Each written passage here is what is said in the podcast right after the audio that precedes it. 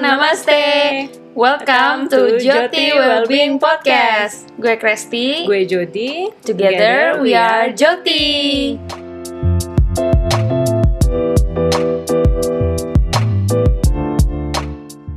Namaste, welcome back to Joti episode uh, ke-59 ya.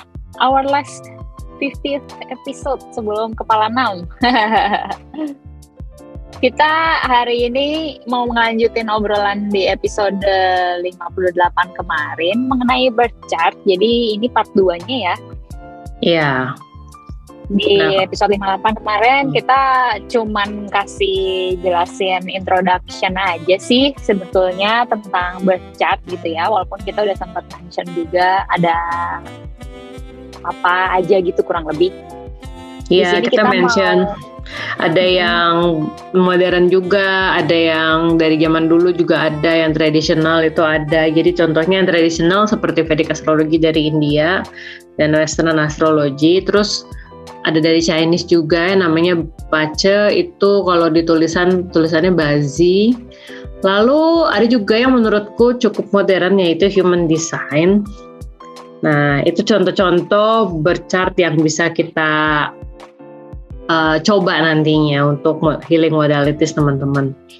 Nah, lalu pertanyaannya, misalnya ming kemarin habis dengerin episode kita jelang dua minggu, uh, episode kita yang kemarin, terus teman-teman googling, terus nemu nih akhirnya baca-baca sendiri gitu kan. uh, terus kalau gue udah tahu nih uh, berchart berchartku, aku harus gimana ya gitu. Nah, sebenarnya berchart itu kalau aku baca sih itu lebih kayak pengenalan diri pengenalan diri kita sendiri personality kita itu gimana sih sebenarnya. Terus ada juga yang membahas sebenarnya kita tuh cocok untuk eh, bukan bekerja ya ya, cocok untuk di bidang apa tidak hanya bekerja kayak gitu. Terus yang lebih menarik Talentnya di mana? Hmm, bisa juga kalau teman-teman memang tertarik untuk menjadi eh, terapis atau guru yoga itu juga sebenarnya ada kisi-kisinya juga di bercat kamu yang dan bercat Apakah itu pekerjaan iya, kamu yang kamu lakukan sekarang sudah tepat atau belum dengan personality kamu itu juga Iya. bisa ketahuan. Iya dan eh, ternyata ka- kalau aku sih merasa kadang si bercat ini tuh is like who define you gitu loh. Itu yang mendefine aku gitu. Selama ini aku merasa kayak bener nggak sih? Aku tuh orangnya kayak gini gitu kan. Seperti ini eh pas baca berchartku ternyata oh ya mau bener sih orangnya kayak begini. Berarti aku nggak salah ngira gitu kan. Jadi ada evidence-nya gitu. Biasa ya kita kan perlu evidence apa pun. Ya. nah. Tapi kalau aku ngerasanya ada juga sih beberapa misalnya beberapa statement gitu dari berchat yang mana let's say itu tuh nggak nggak align gitu. Aku merasa masih tidak align. Nah mungkin hmm, bagian itu kali ya yang belum sempat kesentuh gitu pas aku mengerjakan yang lain dari bagian diriku gitu atau kayak belum ya pokoknya belum aja not yet jadi aku merasa belum itu belum align padahal mungkin sebetulnya iya gitu itu lucu deh. Iya. perasaan kayak gitu. Nah, ya mungkin kayak kan kita juga sebagai kita yang sekarang itu mungkin kita punya emosi kayak kita denial itu mungkin juga kan. Ada emosi-emosi Mhm. yang masih ngeblok sehingga kita ketika dibilang di berchart ini kayak enggak enggak enggak begini gitu loh. Mungkin ya itu juga bisa. Ya dan yang berjadi paling menarik ya selain pengenalan diri tadi yang lebih personal aku juga merasa sih kayak ada kisi-kisi kehidupan gitu loh. Kayak misalnya uh, kita di tahun sekian sampai sekian itu kita akan mengalami ini mostly gitu. Uh, dan kamu akan sedikit mulai ringan uh, karmanya nih karma baiknya ada itu sekitar tahun ini sampai tahun ini. Itu tuh juga menarik sih menurutku. Jadi yang namanya keberuntungan itu tuh is like sebenarnya udah ditulis di jalan di jalan apa ya di jalan Ya, takdir peta kita gitu gitu. Iya di jalan peta gitu. Cuman kan kita bisa mengakses atau enggak setelah kita lulus dari sekolahan yang sebelum si yang itu gitu kan. Aku sih merasanya gitu ya. Jadi itu bisa juga jadi panduan kalau teman-teman sekarang lagi down. Oh emang sih eh, kenapa aku down? Salah satunya aku ada ada di fase yang ini yang di mana aku dihadapkan dengan permasalahan ini ini ini kayak gitu. Dan aku harus berbuat seperti ini agar aku bisa dapat wisdomnya ini kayak gitu. Itu juga bisa sih seperti itu. Yang menurutku paling menarik dari membaca berchart itu itu. Kita nanti oh, misalnya kayak Resti nih dulu dia pas baca baca dia kayak kamu nanti bakal uh, apa kalau bisa nanti pakai gelang ini ya gitu. Dia akhirnya pakai gelang ini. Aku juga pernah sih kayak gitu Sebetulnya ya many things lah. karena kan itu kita merubah energi ya. Nah jadi kalau misalnya seiring berjalannya waktu kesadaran teman-teman terhadap diri sendiri semakin bertambah. Kalau misalnya tadi Mbak Jody bilangnya kan bisa langsung tahu, misalnya dihadapkan dengan suatu kejadian ini yang sesuai dengan uh, apa yang sudah tertulis di birth chart itu terus sudah bisa tahu wisdomnya apa itu kan karena kesadarannya Mbak Jody ya udah sampai situ gitu kan. Tapi kan kita level kesadarannya beda-beda nih. Jadi that's why we we utilize gitu kita mempergunakan bercat ini untuk ngebantu kita ngebangun kesadaran akan diri sendiri juga nah baru dari situ deh mungkin terbentuk juga ya kayak belief gitu kepercayaan. Kalau misalnya nggak percaya sama isi dari bercat itu juga nggak apa-apa. Itu kan namanya denial. Tapi ya ada bagusnya juga kok untuk keep an open mind gitu ya untuk tahu aja sih gitu apa sih misalnya kalau di Paca itu dibilangnya tak uh, ta, peruntungan tahun berjalan gitu misalnya. Ya kalau nggak percaya juga nggak apa-apa tapi di coba dijalani dulu gitu. Paling nanti baru kejadian keberapa langsung mungkin menyadari juga lama-lama oh iya kok gue kayak kurang beruntung gitu atau malah dapat cuannya banyak banget gitu berkali-kali gitu kan. Baru deh di situ terbentuk beliefnya. Kalau di pacar kelihatan jelas kayak gitu ya.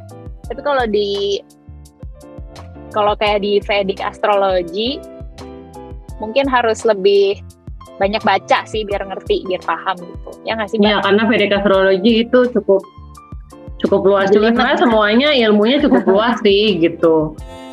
Iya baik banget. Banyak banget kategorinya yang nggak bisa dilihat cuma dari zodiak bulan doang gitu. Atau mm -hmm. stereotip kayak begitu Iya, jadi dari jelaskan ya, maksudnya kalau di bercat itu ada nggak sih hal-hal yang bikin kita jadi takut, jadi down? Sebenarnya mungkin ada, tapi balik lagi mungkin ke ada. kesadaran kita gitu untuk menerima uh, diri kita sendiri gitu kan. Dan uh, apa usahakan kayak tadi Kresti bilang dengan pikiran yang lebih terbuka untuk uh, membacanya dan menerimanya gitu Hmm, ya. Mungkin nextnya kita akan undang uh, guest guest guest speakernya nanti aku akan posting setelah uh, setelah uh, episode ini uh, upload di Spotify. Untuk nextnya kita mau undang siapa sih untuk uh, untuk untuk uh, berchart ini gitu apakah dari human design atau dari Vedic astrology walaupun pernah ya terus hmm. um, atau dari astrologi atau pace gitu. Nanti kita bakal uh, cari. Nah kita udah ada sih juga sih. Kita nggak bawain topik ini karena kita udah banyak kita udah lah ya yang di antara kita sebut semua kita udah semua kan ya. Jadi kayak kita bisa we can let you know gitu kalau ini uh, maksudnya masuk ke Joti podcast apa sih apa hubungannya tentang well-being gitu. Harusnya ini disebut di awal. Karena ya itu tadi udah dijelaskan sama Mbak Jody dan aku juga di episode sebelumnya karena untuk melatih kesadaran terhadap diri sendiri aja dan menerima kita diri ini itu apa adanya. Iya itu. Kalau teman-teman yang belum uh, apa, yang belum cari tahu tanggal lahirnya, eh tanggal lahir mah tahu ya semua orang ya. Jam lahirnya boleh jam lahir. nah pertanyaan kadang gini nih, eh, jam lahir tuh gimana ya gitu orang hmm. kalau tanya ini menarik juga ya karena kalau tanya ke orang tua kadang orang tuamu itu terutama ibu kan kita nggak tahu ya Lupa. precisely kamu lahirnya jam berapa karena ibumu tahu cuman pas lagi masuk uh -uh. masuk ruangan persalinan aja gitu atau kalau yang sesar tahu pas masuk bersalin terus dibius kan jadi dia nggak tahu apa-apa lagi. Kalau menurutku sejauh ini coba pakai uh, jam lahir yang ada di surat keterangan rumah sakit atau di akta lahir.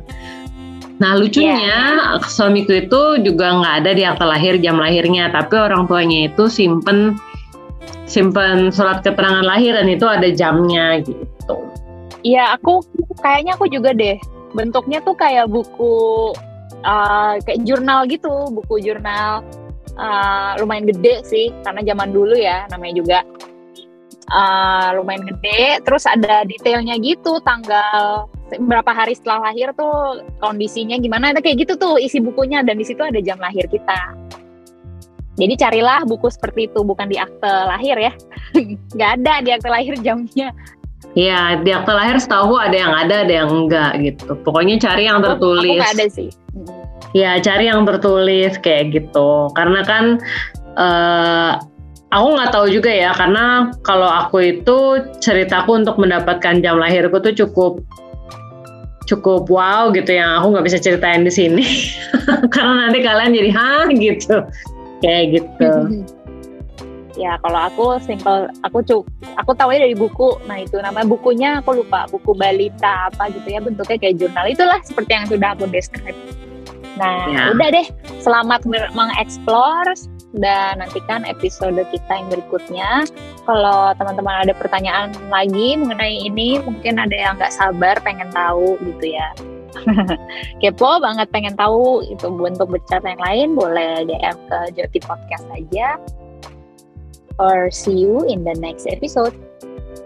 See you, bye bye.